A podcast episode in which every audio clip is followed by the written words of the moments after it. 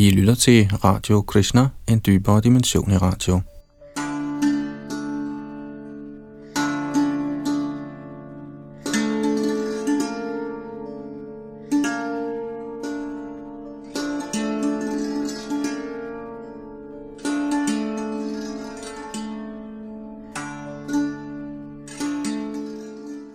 Sidste gang i vores gennemgang af Srimad Bhagavatam, hvor vi er i gang med 10. bog, når vi frem til tekst 29 i kapitel 80, her hvor vi hører om uh, Sudama Brahmana, der i sin fattigdom besøger sin gamle ven fra skoletiden, Krishna.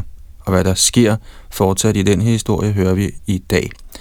Vi skal også i dag høre kapitel 81, hvor Herren velsigner Sudama Brahmana, og vi når også et stykke af kapitel 82, Krishna og Balaram møder Vrindavans indbyggere.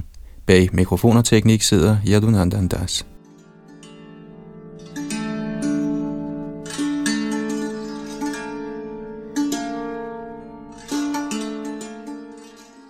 Tekst 30 til 33. I forsagelse af alle materielle tilbøjeligheder, der udspringer fra Herrens illusionskraft, udfører nogle mennesker værtslige pligter, uden at lade deres sind forstyrre af værtslige ønsker. De handler, som jeg gør, for at belære mennesker i almindelighed. Kære Brahmin, husker du, hvordan vi levede sammen i voldelig mesters skole? Når en to gange født elev har lært alt, der skal læres fra sin guru, kan han nyde det åndelige liv, der ligger hinsides al uvidenhed. Kære ven, den som giver en person hans fysiske fødsel, er hans første åndelige mester, og han, som indviger ham som to gange født Brahmin og beskæftiger ham med religiøse pligter, er så sandelig mere direkte hans åndelige mester. Men den person, der skænker åndelig kundskab til medlemmerne af alle samfundets åndelige ordner, er ens ultimative åndelige mester. Ja, han er på højde med mit eget selv. O Brahmin, de er alle Vardanashram-systemets tilhængere, der drager fordel af de ord, jeg taler i min skikkelse som den åndelige mester, og som således let krydser over den materielle tilværelses ocean, forstår i sandhed bedst deres egne sande velfærd.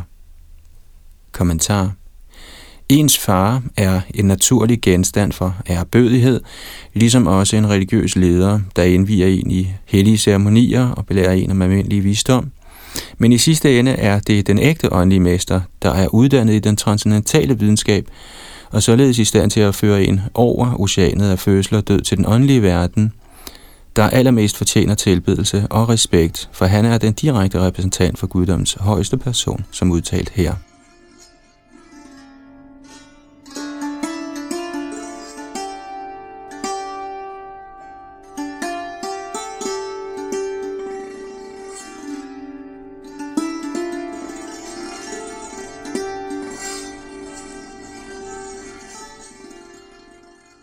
Tekst 34. Jeg, alle væseners sjæl, bliver ikke helt så tilfreds af rituel tilbedelse, braminsk indvielse, boet eller selvdisciplin, som jeg bliver af tro tjeneste, der ydes ens åndelige mester. Kommentar. Ordet prajati her betyder enten det at afle gode børn eller den anden fødsel, som man opnår ved rituel indvielse i vedisk kultur. Selvom begge disse er prisværdige, udtaler Herren Krishna her, at tro tjeneste, der ydes ens ægte åndelige mester, er endda højere.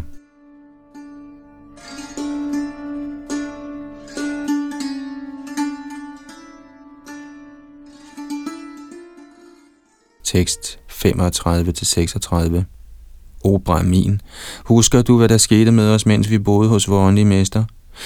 En gang sendte vores gurus hustru os ud for at skaffe brænde, og da vi var gået ind i den dybe skov, o du to gange fødte, blæste en voldsom storm utidigt op med piskende regn og brølende torden. Kommentar Shalila Vishana Chakravarti forklarer, at denne storm opstod om vinteren og var derfor uden for årstiden.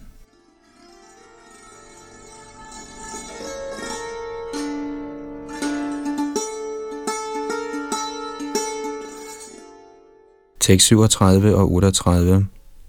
Så, mens solen gik ned, blev skoven indhyllet i mørke i alle retninger, og med al oversvømmelse kunne vi ikke skille højtliggende land fra lavt.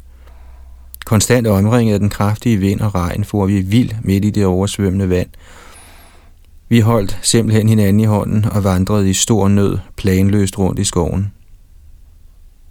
Kommentar Shrila Shridhar Swami påpeger, at udsagnsordet Pariba Brima kan forstås som præfikset pari med enten udsagnsordet bri eller brahm. I tilfælde af brahm tilkendegiver det, at Krishna og Sudama strejfede rundt, og i tilfælde af bri, der betyder at bære, tilkendegiver det, at mens de to unge drenge flakkede omkring, fortsatte de med at bære det brænde, de havde sikret deres åndelige mester.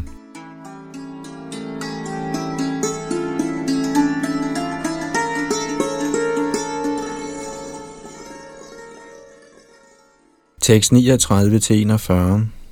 hvor Guru Sandipani, der forstod vor knibe, drog efter solnedgang ud for at lede efter os, hans disciple, og fandt os i nød. Sandipani sagde, O kære børn, I har lidt så meget for min skyld. Kroppen er yderst afholdt af alle levende væsener, men I er mig så hengivne, at I helt så bort fra jeres egen komfort. Dette er så afgjort alle sande disciples pligt – at tilbagebetale gælden til deres åndelige mester ved at tilbyde ham med rene hjerter deres velstand og endda selve deres liv. Kommentar Man bruger sin krop til at realisere sine mål. Kroppen er også grundlaget for den materielle opfattelse jeg, mens ens rigdom er grundlaget for opfattelsen min. Hvis således at tilbyde den åndelige mester alt, erkender man, at en selv er en evig tjener af Herren, den åndelige mester udnytter ikke disciplen, men beskæftiger ham snarere fuldt ud i Krishna-bevidsthed til disciplens evige fordel.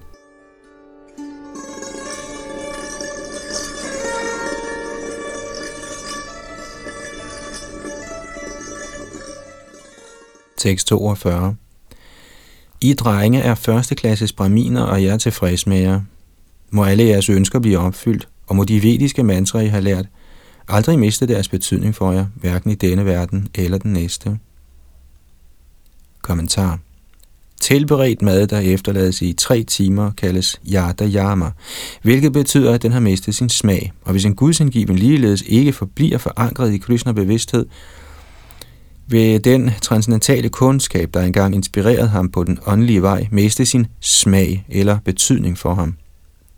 Således giver Sandipani Muni sine disciple den velsignelse, at de vediske mantraer, der åbenbarer den absolute sandhed, aldrig vil miste deres betydning for dem, men vil forblive friske i deres erindring.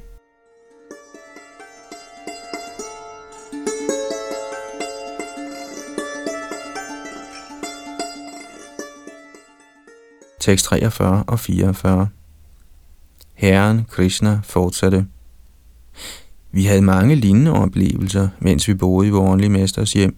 Ganske enkelt ved vores mesters nåde kan en person erkende livets mål og opnå evig fred. Raminen sagde, hvad kan jeg muligvis have mislykkes med at opnå, o herrenes herre, o universelle lærer, siden jeg var i stand til at leve personligt med dig, for hvem alle ønsker bliver opfyldt i vores åndelige mesters hjem?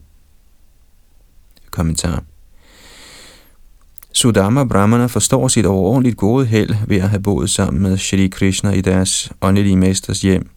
Således var de ydre vanskeligheder, de oplevede, i virkeligheden udtryk for Herrens nåde for at vise betydningen af tjeneste til den åndelige mester. Srila Prabhupada gengiver den lærte Brahmins følelser som følger. Sudama sagde, Kære Krishna, du er den højeste herre og den højeste åndelige mester for os alle. Og siden jeg var så heldig at bo sammen med dig i vores gurus hus, tror jeg ikke, jeg har mere at foretage mig, hvad angår foreskrevne vediske pligter.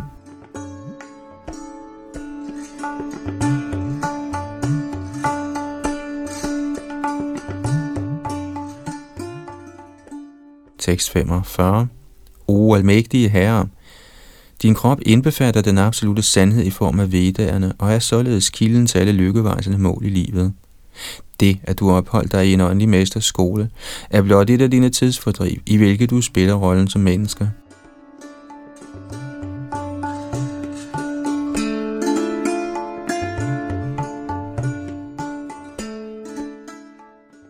Således ender kommentarerne fra hans guddommelige nåde A.C. Bhaktivedanta Swami Prabhupads ydmyge tjenere til Srimad Bhagavatams 10. bogs 80. 20. kapitel med titlen Brahminen Sudama besøger Herren Krishna i Dvaraka.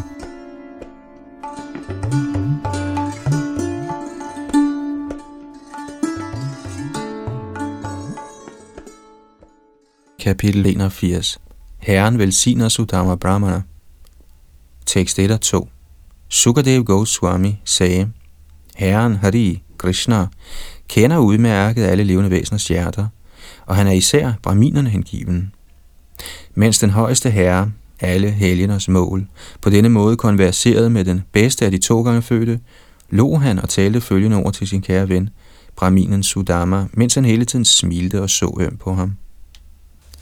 Kommentar Ifølge Srila Sridhar Swami indikerer ordene Sarvabhuta Manobhigya, at siden Herren Krishna kender alle sind, vidste han med det samme, at hans ven Sudama havde medbragt ham nogle flade ris og skammede sig over at skulle give dem.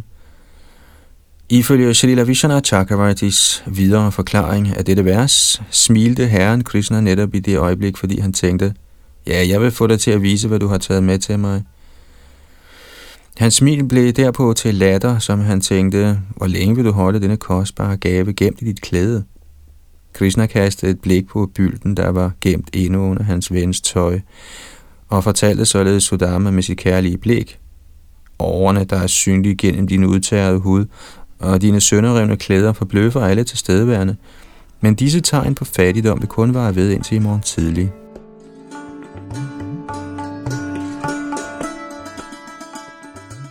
Selvom Herren Krishna er Bhagavan, den højeste uafhængige herre, holder han altid at gengælde dem, der er Priya, hans elskede tjenere.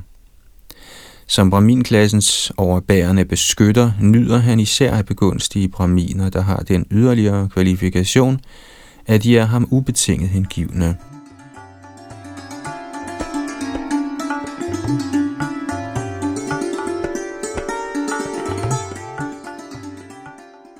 Tekst 3 og 4 Den højeste herre sagde, O Brahmin, hvilken gave har du bragt med til mig hjemmefra?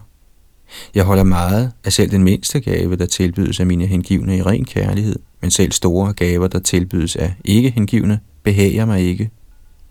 Padrang pushpang palang thoyang yo me bhaktya prayachati tadahang bhakti upahritam ashnami prayatatmanaha. Hvis nogen med kærlighed tilbyder mig et blad, en blomst, en frugt eller vand, ved at tage imod det. Kommentar Disse berømte ord bliver også talt af Herren i Bhagavad Gita 9.26. Oversættelsen af ordenes betydning er hentet fra Srila Prabhupads Bhagavad Gita, som den er. I kontekst af den pågældende begivenhed af Sudamas besøg i Dvaraka, har Srila Vishwanath Chakravarti venligst fortsat sin forklaring af Herren Krishnas udtalelser. Dette vers er et svar på Sudamas bekymring om, at det var uovervejet at komme med en så upassende gave. Brugen af ordene Bhaktya Prayachati og Bhaktyuparadam kan forekomme overflødige, siden de begge betyder tilbudt med hengivenhed. Men Bhaktya kan indikere, hvordan Herren gengælder den hengivne stemning hos enhver, der tilbyder ham noget med kærlighed. Med andre ord erklærer Herren Krishna her, at hans gengældelse i ren kærlig udveksling ikke afhænger af den ydre kvalitet af det, der tilbydes. Krishna siger, noget kan være eller ikke være imponerende i sig selv, men når min hengivne tilbyder de hengivelse med den forventning, at jeg vil nyde det, giver det mig stor glæde. I den henseende gør jeg ingen forskel. Udsagnsordet asnami, jeg spiser, lader forstå, at Krishna spiser selv en blomst, der jo normalt duftes, forvirret som han er af den ekstatiske kærlighed, han føler for sin hengivne. Nogen kunne da spørge Herren, vil du da afvise en gave fra en tilhænger af en anden guddom? Herren svarer, ja, jeg vil nægte at spise den. Dette siger Herren med udtrykket Prayatatmanahar, der lader forstå, kun gennem hengiven tjeneste til mig kan man blive ren i hjertet.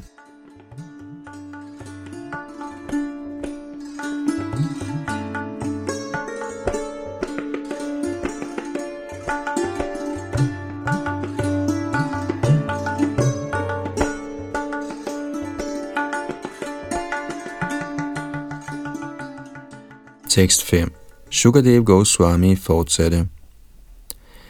Selv efter at være blevet således tiltalt, o konge, var Brahminen for flov til at give sine håndfulde flade ris til lykkegudindens ægtemand. Han holdt simpelthen sit hoved bøjet i skam. Kommentar Ifølge Acharya Vishana Chakravarti lader beskrivelsen her af Krishna som lykkegudindens ægtemand forstå, at Sudama spurgte sig selv, hvordan kan herren over Shri spise denne hårde, henkæmte ris? Ved at bøje sit hoved afslørede Brahminen sine tanker. Kære mester, gør mig ikke skamfuld. Selvom du beder mig om det gentagende gange, vil jeg ikke give det til dig. Jeg har besluttet mig. Men herren svarede med sin egen tanke, den hensigt, du havde i tankerne på din rejse herover, må ikke blive forpurret, for du er min hengivne.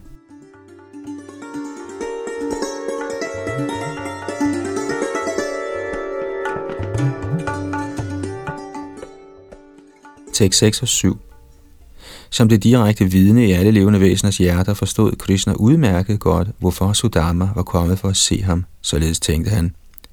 Tidligere har min ven aldrig tilbedt mig med et ønske om materiel rigdom, men nu kommer han til mig for at stille sin kyske hustru tilfreds. Jeg vil give ham rigdomme, som selv de udødelige halvguder ikke kan opnå. Kommentar Shri Vishana Chakravarti kommenterer, at herren for et øjeblik undrede sig. Hvordan kan det være, at denne min hengivne, trods min alvidenhed, er blevet ramt af sådan fattigdom? Da han hurtigt blev klar over situationen, talte han til sig selv de ord, der gengives i dette vers. Men nogen måtte påpege, at Sodama ikke burde have været så forarmet, siden behørig nydelse kommer som et biprodukt af tjeneste til Gud, selv til en hengiven, der ikke har nogen skjulte motiver. Dette bliver bekræftet i Bhagavad Gita 9.22. Ananyas Chintayantomang ye jana pariupasate te shang nityabhiyuktanang yogakshemang vahamyaham. Citat. Men de, som altid tilbyder mig med ublandet hengivenhed og mediterer på min transcendentale skikkelse, til dem giver jeg, hvad de mangler, og jeg bevarer det, de har. Citat slut.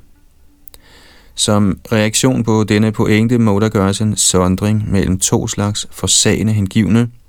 En slags er imod sansenydelse, og den anden er neutral overfor den.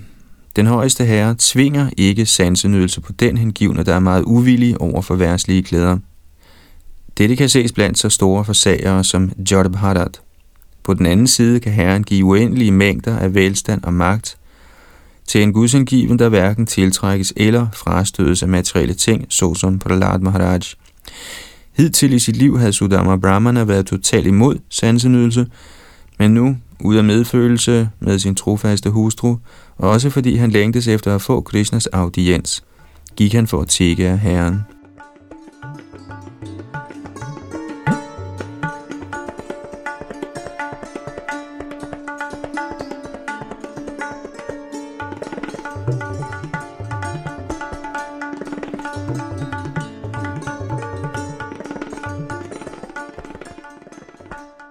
Tekst 8 og 9.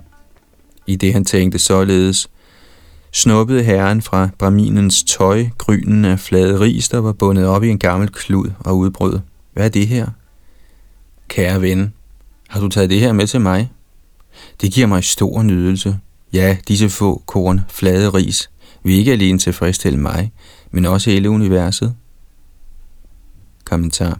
Srila Prabhupada kommenterer, det forstås ud fra denne udtalelse, at Krishna, der er altings kilde, er hele skabelsens rod.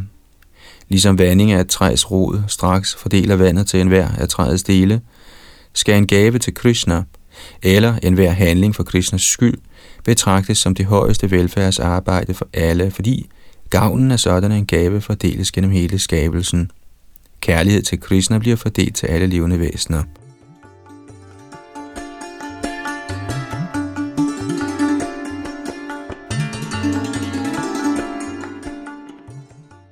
Tekst 10 Efter at have sagt det, spiste den højeste herre en håndfuld, og skulle netop til at spise endnu en, da den hengivne gudinde Rukmini tog fat i hans hånd. Kommentar Dronning Rukmini greb Krishnas hånd for at forhindre ham i at spise mere af den flade ris. Ifølge Shripad Sridhar Swami ville hun med denne gestus fortælle herren, Så meget af din nåde er nok til at sikre hvem som helst umådelig rigdom, der blot er lejen af mit blik. Men tving mig venligst ikke til at hengive mig til denne brahmin, hvilket vil ske, hvis du spiser endnu en håndfuld. Srila Vishana Chakravarti forklarer, at ved at tage fat i herrens hånd, lod Rukmini forstå, hvis du spiser hele dette dejlige festmåltid, som din ven har bragt med fra sit hus, hvad bliver der så tilbage til mine veninder, medhustruer, tjenere og mig selv? Der vil ikke være nok tilbage til, at vi kan få en dag et korn hver. Og til sine tjenerinder sagde hun med sin gestus, denne hårde ris vil gøre herrens sarte mave dårlig.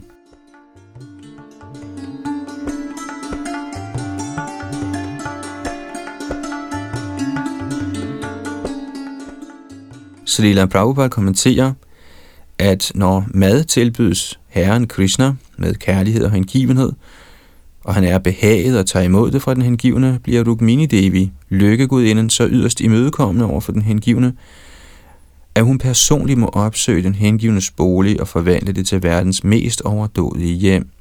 Hvis man bespiser Narayan rigeligt, bliver lykkegudinden Lakshmi automatisk en gæst i ens hus, hvilket vil sige, at ens hjem bliver velstående.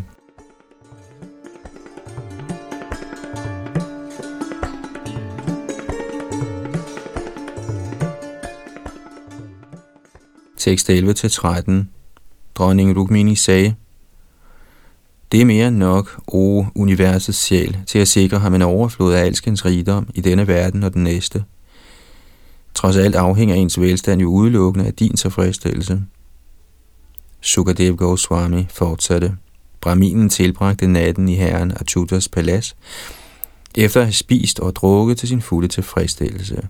Han havde det som om, han var kommet til den åndelige verden – Næste dag begav Sudama sig hjemad, mens han blev æret af Herren Krishna, universets opretholder, der hviler i sig selv. Brahminen følte sig i høj grad opstemt, mens han gik langs vejen. Kommentar. Her bliver vi mindet om, at Krishna opretholder forrådet af ønskelige ting for hele universet. Det skal derfor forstås, at han skulle til at manifestere rigdomme for Sudama, der var større end Indras. I sin egenskab af Svasuk, helt tilfreds i sin egen lyksalighed, har Herren en ubegrænset evne til at skænke gaver. Ifølge Srila Bhaktisiddhanta Saraswati Thakur tilkendegiver ordet Abhivandita, at Shri Krishna ledsagede Sudama et lille stykke af vejen og tog endelig afsked med Brahminen efter at have bøjet sig ned for ham og talt nogle respektfulde ord.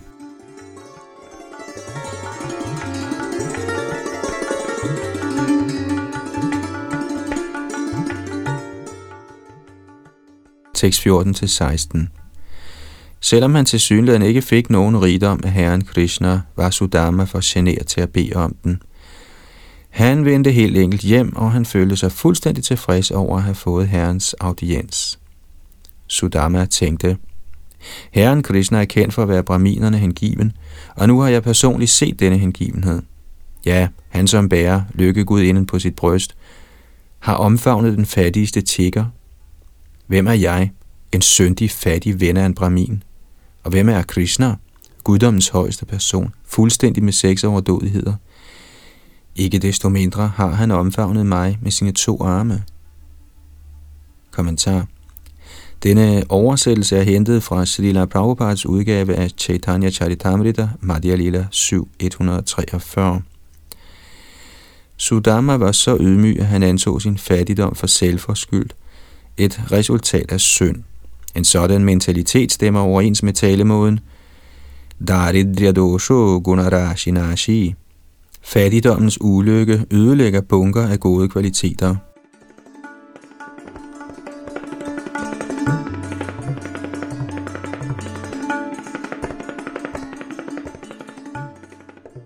Tekst 17-20 han behandlede mig ligesom en af sine brødre og fik mig til at sidde på sengen af sin elskede Gemaline. Og fordi jeg var udmattet, viftede hans dronning mig personligt med en jakhale chamara. Selvom han er herren over alle halguder og genstanden for tilbedelse for alle braminer, tilbad han mig, som var jeg selv en halgud, og han masserede mine fødder og ydede anden ydmyg tjeneste.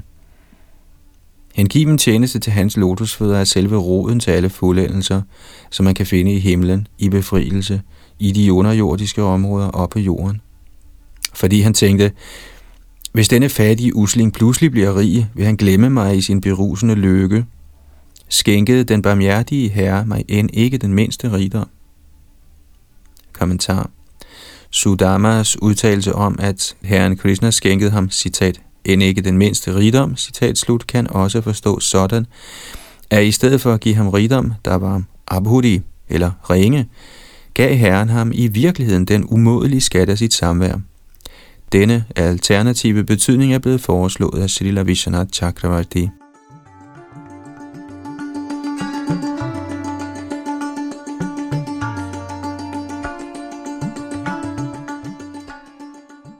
Tekst 21-23 Shukadev Goswami fortsatte, mens han således tænkte ved sig selv, ankom Sudama endelig til det sted, hvor hans hus stod. Men nu var stedet fyldt af knejsende himmelske paladser, der kunne måle sig med den samlede stråleglans fra solen, ilden og månen. Der var pragtfulde gårdhaver og parker, hver især fyldt med flokke af kvidrende fugle og forskyndet af damme, hvor der groede kumutter, ambahodja, kahlada og udpala lotus. Overdådigt klædte mænd og kvinder med dårdyrøjne stod til tjeneste. Sudama tænkte, hvad er alt det her? Hvis rigdom er det? Hvordan er alt dette sket? Kommentar Srila Sridhar Swami giver rækkefølgen af Brahminens tanker. Først, da han så en kraftig, ukendt stråleglans, tænkte han, hvad er det for noget? Så, da han bemærkede paladserne, spurgte han sig selv, hvis palads er det her? Og da han forstod, at det var hans eget, tænkte han, hvordan er denne forvandling sket?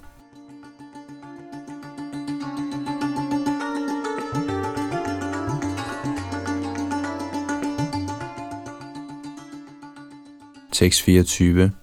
Mens han blev ved med at undre sig på den måde, kom de smukke mænd og tjeneste piger, så strålende som halvguder, frem for at modtage deres yderst heldige herrer med højlydt sang og musik. Kommentar. Som Acharya Vishwanath Chakravarti forklarer, tilkendegiver ordet pratyagrihanan, eller de er kendte på deres side, at først accepterede Sudama tjenerne i sit sind med tanken, min herre må ønske, at jeg skal have dem. Og som reaktion på den synlige forandring i hans holdning, nærmede de sig ham som deres herre.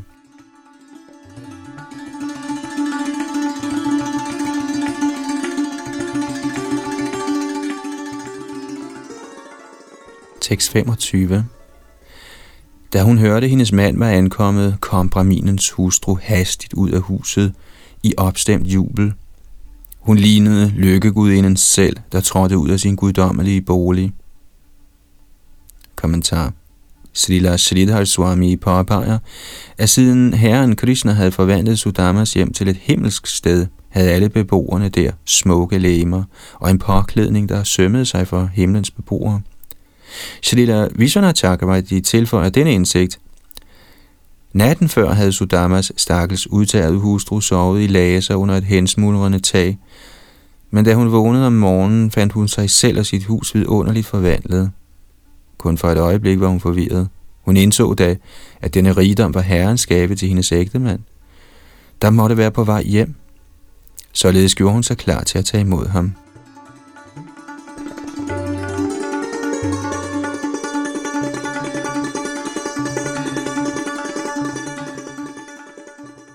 Tekst 26 og 27. Da den kyske dame så sin ægte mand, fyldtes hendes øjne af tårer, af kærlighed og iver. Med lukkede øjne bøjede hun sig højtidligt for ham, og i sit hjerte omfavnede hun ham. Sudama så forbløffet på sin hustru. Strålende midt blandt tjeneste piger, dekoreret med juvelmedaljoner, skinnede hun som en gudinde i sit himmelske luftfartøj. Kommentar Srila Vishana Chakravarti forklarer, at indtil nu havde den højeste herre holdt braminen i sin lasede tilstand, sådan at hans hustru kunne genkende ham.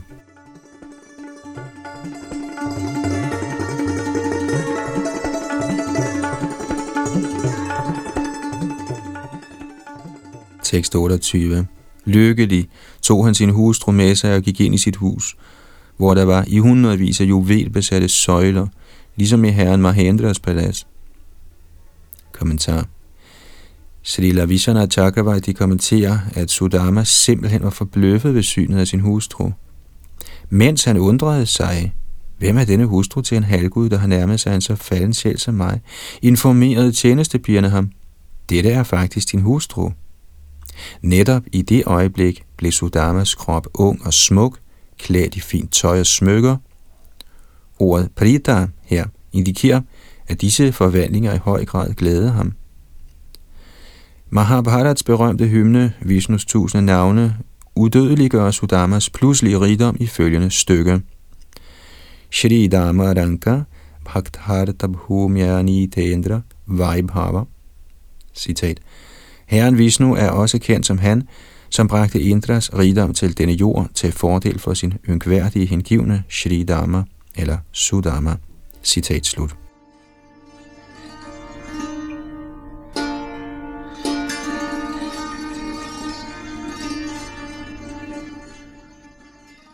Tekst 29-34 I Sudamas hjem var der senge så bløde og hvide som mælkeskum, og de var lavet af elfenbener ornamenteret med guld. Der var også sofaer med gyldne ben, såvel som kongelige charmer, der vifter, gyldne troner, bløde puder og funklende tronhimle behængt med perlerækker. På væggene af glitrende krystalglas, der var indlagt med kostbare smaragder, lyste der juvelbesatte lamper, og kvinderne i paladset var alle smykket med værdifulde juveler. Som han beskuede denne overdådige rigdom af enhver slags, resonerede braminen stille for sig selv om sin uventede velstand. Sudama tænkte, Jeg har altid været fattig. I sandhed er den eneste mulige måde, hvorpå en så uheldig person som jeg pludselig bliver rig, den, at herren Krishna, Yadu-dynastiets velstående leder, har kastet sit blik på mig.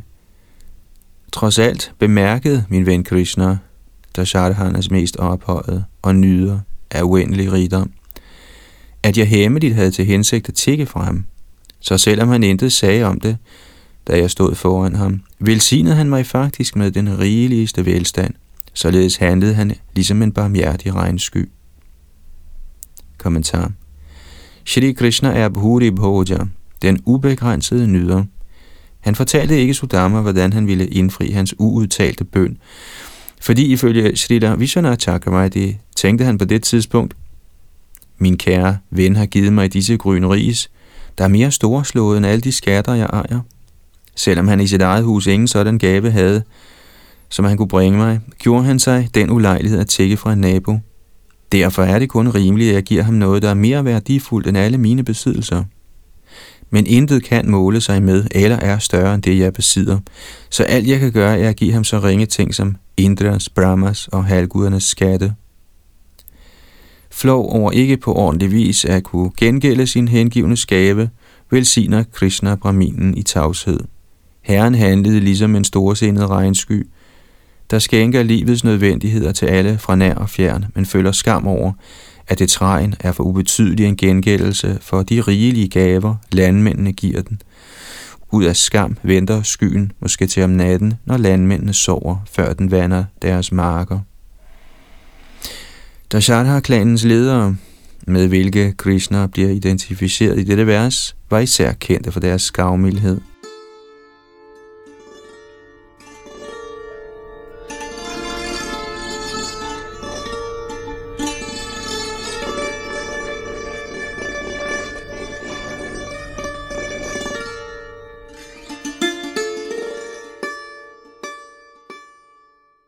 Tekst 35 og 36. Herren anser endda sine største velsignelser for ubetydelige, mens han i høj grad værdsætter selv en ringe tjeneste fra sin kære hengivne. Således tog den højeste sjæl med glæde imod en enkelt håndfuld af den flade ris, jeg bragte med til ham. Herren er det ovenud barmhjertige reservoir for alle transcendentale kvaliteter. Må jeg liv efter liv tjene ham med kærlighed, venskab og medfølelse, og må jeg udvikle en sådan stærk tilknytning til ham gennem hans hengivnes værdifulde samvær. Kommentar Som forklaret af Sri Lavishana Chakravarti betyder Sauhridam her kærlighed til ham, der er medfølende over for sine hengivne. Sakyam er slægtskab manifesteret i ønsket om at leve i hans samvær. Maitri er stemningen af fortrolig kammeratskab, og Dasyam er trangen til at yde tjeneste.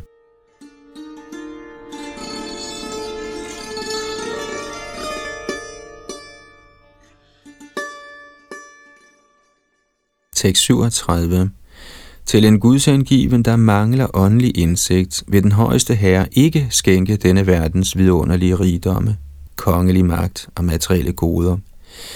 Ja, i sin uendelige visdom er den ufødte herre fuldstændig klar over, hvordan stolthedens beruselse kan blive de velståendes undergang.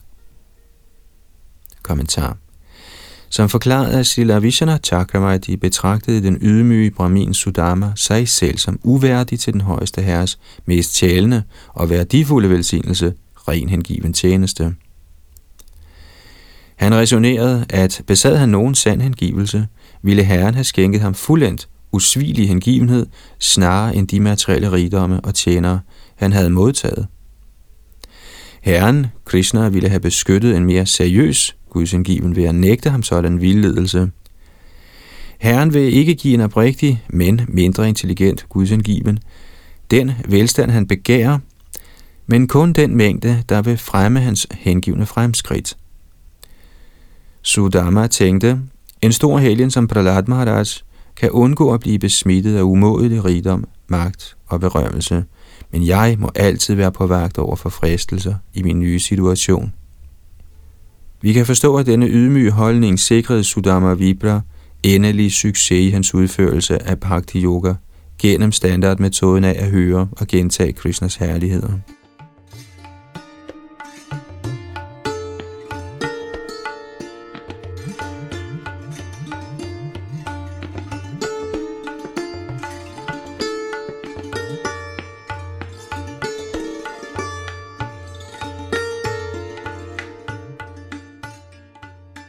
Tekst 38. Shukadev Goswami fortsatte. Således fast besluttet gennem sin åndelige intelligens, forblev Sudama absolut hengiven mod Krishna, alle levende væseners ly. Fri for griskhed nød han, sammen med sin hustru, de sanselige glæder, han var blevet velsignet med, altid med tanken om til sidst at forsage al sanse tilfredsstillelse. Herren Hari er gudernes Gud, Herren over alle ofre og den højeste hersker, men han accepterer de hellige braminer som sine herrer, og således er der ingen højere guddom end dem. Kommentar Srila Vishana Chakravarti påpeger, at selvom Shri Krishna er skabelsens ubestridte hersker, accepterer han braminerne som sine herrer. Selvom han er gudernes gud, er braminerne hans guddomme, og selvom han er herren over alle ofre, udfører han ofre for at tilbede dem.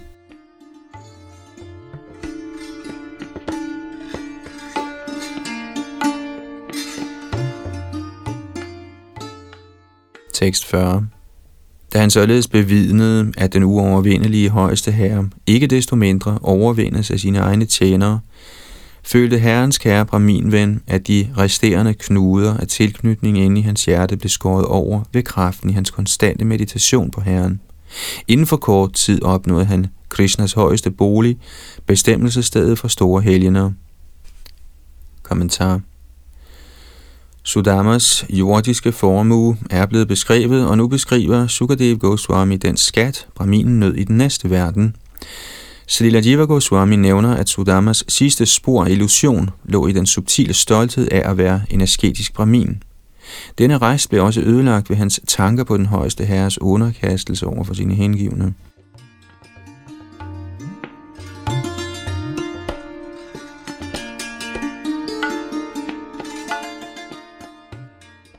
Tekst 41. Herren viser altid braminer særlig gunst. En hver, der hører denne fortælling om den højeste herres venlighed mod braminer, vil udvikle kærlighed til Herren og således blive fri for det materielle arbejdes trældom. Kommentar I indledning til det kapitel i Krishna, kilden til al glæde, der beskriver dette tidsfordriv, kommenterer hans guddommelige noget, Srila Prabhupada. Herren Krishna er guddommens højeste person, alle levende væseners oversjæl, kender en værs hjerte meget vel. Han er især venligt stemt mod Brahmin hengivne. Herren Krishna kaldes også Brahmania Dev, der betyder, at han bliver tilbedt af braminerne. Derfor forstås det, at en gudsindgiven, der er helt overgivet til guddoms højeste person, allerede har opnået stilling som brahmin. Uden at blive brahmin kan man ikke nærme sig den højeste brahman, herren Krishna. Krishna er især interesseret i at overvinde sine hengivnes lidelse, og han er de rene hengivnes eneste ly.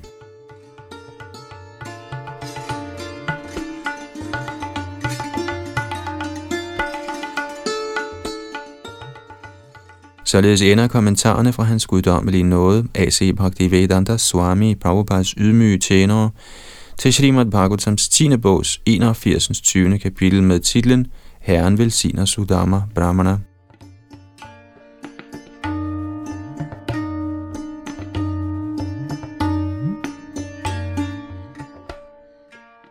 Kapitel 82 Krishna og Balaram møder Vrindavans indbyggere. Tekst 1 Shukadev Goswami sagde, en gang mens Balaram og Krishna boede i Dvaraka, indtraf en total formørkelse af solen, som om enden på Brahmas dag var kommet. Kommentar Som Srila Vishana Chakravarti Thakur påpeger, bruges ordene atar og ekada hyppigt i sanskrit litteratur til at indlede et nyt emne. Her tilkendegiver de især, at genforeningen mellem jaduerne og Vrishnierne ved Kurukshetra bliver fortalt uden for den kronologiske rækkefølge. Srila Sanatan Goswami forklarer i sin Vaishnav Tosani kommentar, at begivenhederne i dette 82. 20. kapitel indtræffer efter Baladevs besøg i Vraja, der foregår i kapitel 65, og før Maharaj Yudhishthir's Rajasuya-offer fra kapitel 74. Det må være sådan, resonerer Acharyan, fordi under solformørkelsen ved Kurukshetra mødtes alle kuruerne, herunder Dhritarashtra, Yudhishthir, Bhishma og Drona i venskab, og var alle lykkelige sammen med Shri Krishna. Men under Raja Suya Yagyaet blev Duryodhans jalousi mod Pandavarne uigenkaldeligt opflammet. Snart derefter udfordrede Duryodhan Yudhishthira hans brødre til hasardspillet, hvor i han snød dem fra deres kongerige og landsforviste dem til skoven. Netop efter Pandavernes tilbagevenden fra deres eksil, fandt det store slag ved Kurukshetra sted, under hvilket Bhishma og Drona blev dræbt. Så det er ikke logisk muligt, at solformørkelsen ved Kurukshetra indtraf efter Rajasuya-offret.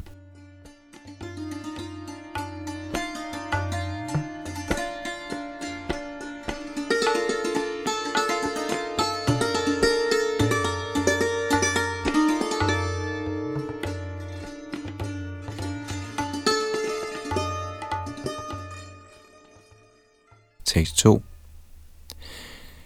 Da de vidste, at formørkelsen ville komme, o konge, tog mange mennesker til det hellige sted kendt som Samantapanchak for at opnå fromme aktiver. Kommentar For 5.000 år siden kunne de vediske astronomer forudsige sol- og måneformørkelser lige så nøjagtigt som vores dages moderne astronomer. Kundskaben hos de gamle astronomer strakte sig imidlertid længere, da de var klar over den karmiske påvirkning ved sådanne begivenheder – sol- og måneformørkelser er generelt meget ildevarslende, med nogle få sjældne undtagelser. Men ligesom den ellers ugunstige Ekadashi i dag bliver gunstig, når den bruges til forherligelse af Herren Hari, er tiden under en formørkelse gunstig til faste og tilbedelse. Det hellige pilgrimsted kendt som Samantha Panchak ligger ved Kurukshetra, eller kuruernes andet område, hvor kulukongernes forgængere udførte mange vediske ofre. Kuduerne fik således at lære af Brahminer det råd, at det ville være det bedste sted til at overholde løfter under formørkelsen. Længe før deres tid havde herren Parashuram gjort bod ved Kurukshetra for at zone for sine drab. Som Mandapanchak, de fem søer, han udgravede der, lå der stadig ved slutningen af Dwapara ligesom de stadig gør i dag –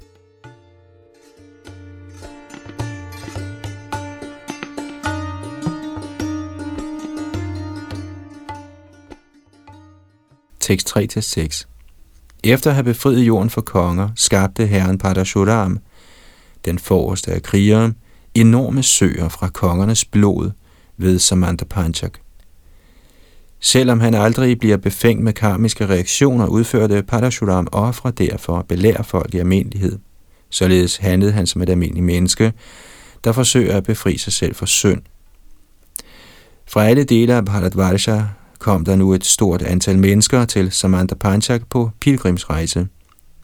Odu Bharats efterkommer. Blandt dem, der ankom til dette hellige sted, var der mange vrishnier, såsom Gada, Pradyumna og Samba, i håb om at blive befriet fra deres sønder. Akrura, Vasudev, Ahuk og andre konger tog også til. Aniruddha blev i Dvaraka med Suchandra, Suk og Sharana for at bevogte byen i selskab med Kritavarma, anførende af deres væbnede styrker. Kommentar Ifølge Srila Vishwanath Chakravarti blev Shri Krishnas sønnesøn Aniruddha i Dvaraka for at beskytte byen, fordi han oprindeligt er Vishnus manifestation som beskytter af den åndelige planet Svetadvip.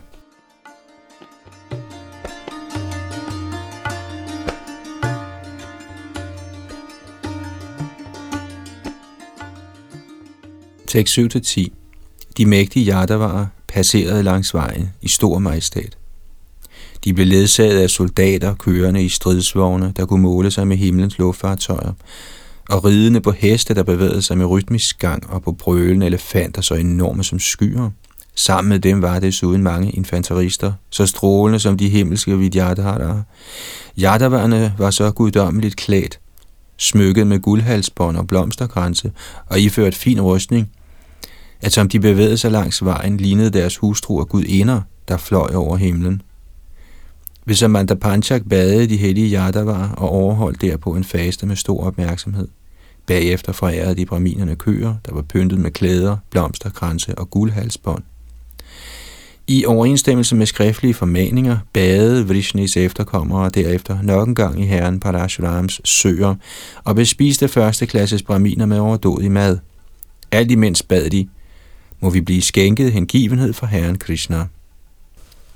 Kommentar dette andet bad markerede enden på deres faste den følgende dag.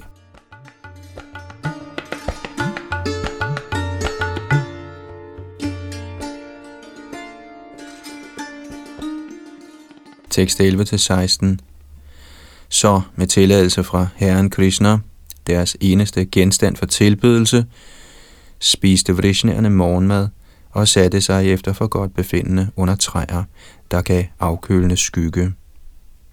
Yadaverne så, at mange af kongerne, der var kommet, var gamle venner og slægtninge, Martjerne, Ushinarerne, Kaushalyerne, Vidarbharerne, Kuruerne, Shrinjayerne, Kambojerne, Kaikeyerne, Madraerne, Kundierne og kongerne over Aranarta og Kerala. De så også mange hundreder af andre konger, både allierede og modstandere, Desuden, kære kong Pariksit, så de deres kære venner Nanda Maharaj og kohørte mændene og kvinderne, der så længe havde lidt i ængstelse. Som den store glæde ved at se hinanden, fik lotusen af deres hjerter og ansigter til at blomstre med frisk skønhed, omfavnede mændene entusiastisk hinanden. Med tårer strømmende fra deres øjne, håret på deres læmer rejst og grådkvalte stemmer, oplevede de alle intens lyksalighed.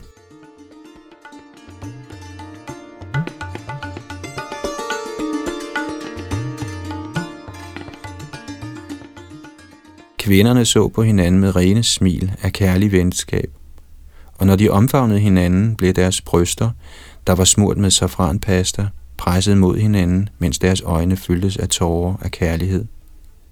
Derpå viste de alle deres ærbødighed for deres ældre og modtog på deres side respekt fra yngre slægtninge. Da de havde spurgt til hinandens rejser og ved og vel, gav de sig til at tale om Krishna.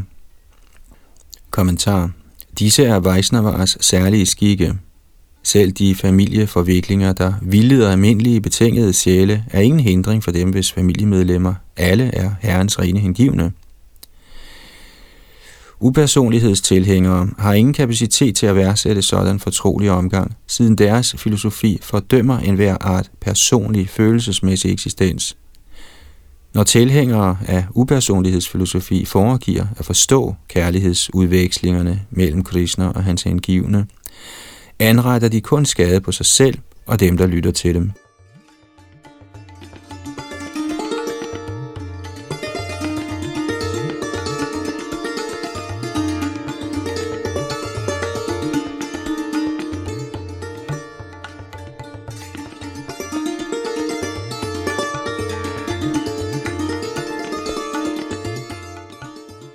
Tekst 17.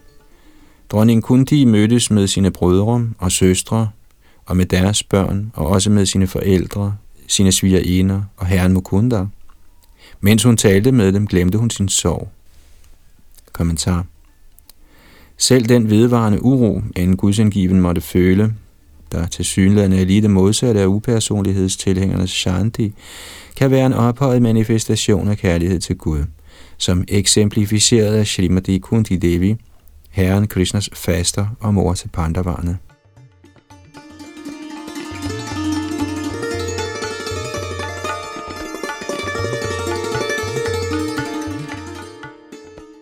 Tekst 18.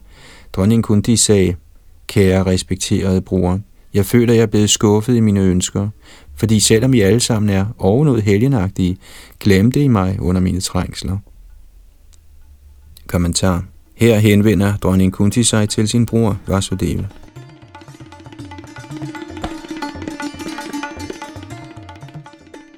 Tekst 19. Venner og familiemedlemmer, sågar børn, brødre og forældre, glemmer en slægtning, der ikke længere er tilsmilelse skæbnen. Kommentar. Srila Shridhar Swami og Vishana Chakravarti Thakur kommenterer begge, at kun de ikke bebrejder sine slægtninge for sine kvaler. Således kalder hun dem ovenud helgenagtige personer, og antyder således sin egen ublide skæbne som årsag til sin sorg.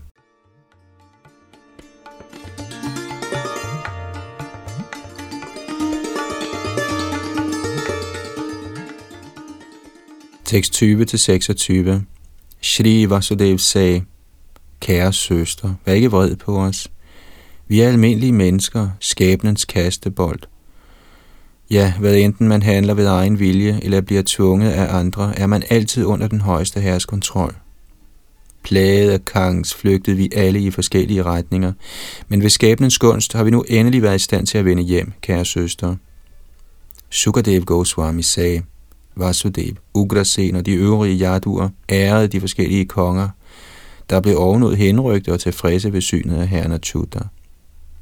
Alle disse stedværende kongeligheder, der indbefattede Bhishma, Drona, Dhritarashtra, Gandhari og hendes sønner, Pandavarna og deres hustruer, Kunti, Sanjay, Vidura, Kripacharya, Kunti Bhoja, Virat, Bhishmak, den store Nagnajit, Purujit, Drupad, Shalya, Drishtaketu, Kashiraj, Damaghosh, Vishalaksha, Maithil, Madra, Kekaya, Yudhamanyu, Susharma, Bahlika med sine fæller og deres sønner, og der var mange andre konger, som var Maharaj Yudhisthiras underordnede.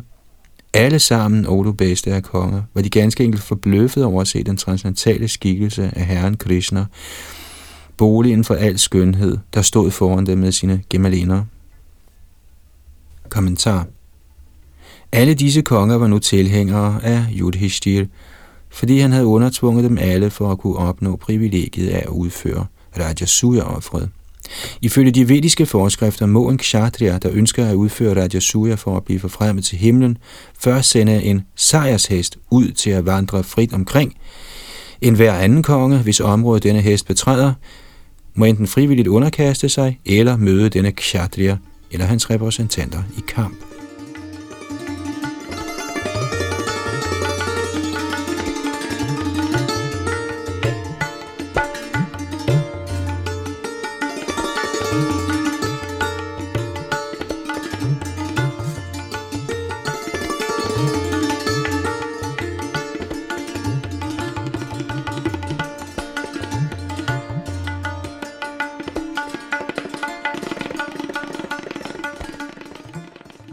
Desværre når vi ikke at afslutte kapitlet i denne omgang, men fortsætter her ved tekst 27 i kapitel 82 næste gang.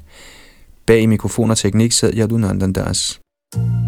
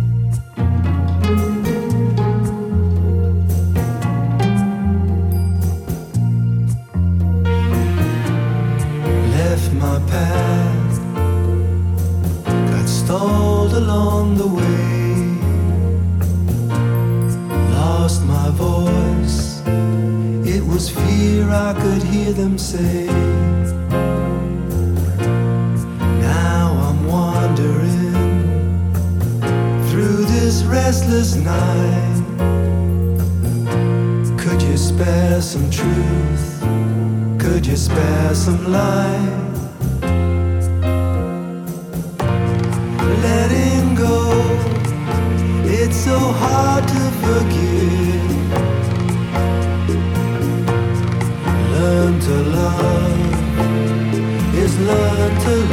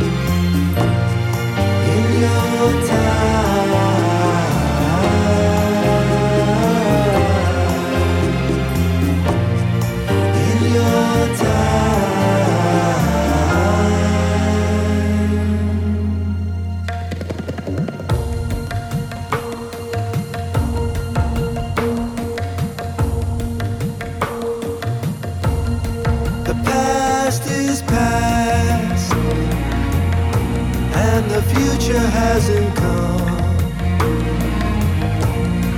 The past is past, and the future hasn't come. I gotta drop them, drop them heavy guns. This life is like a dream,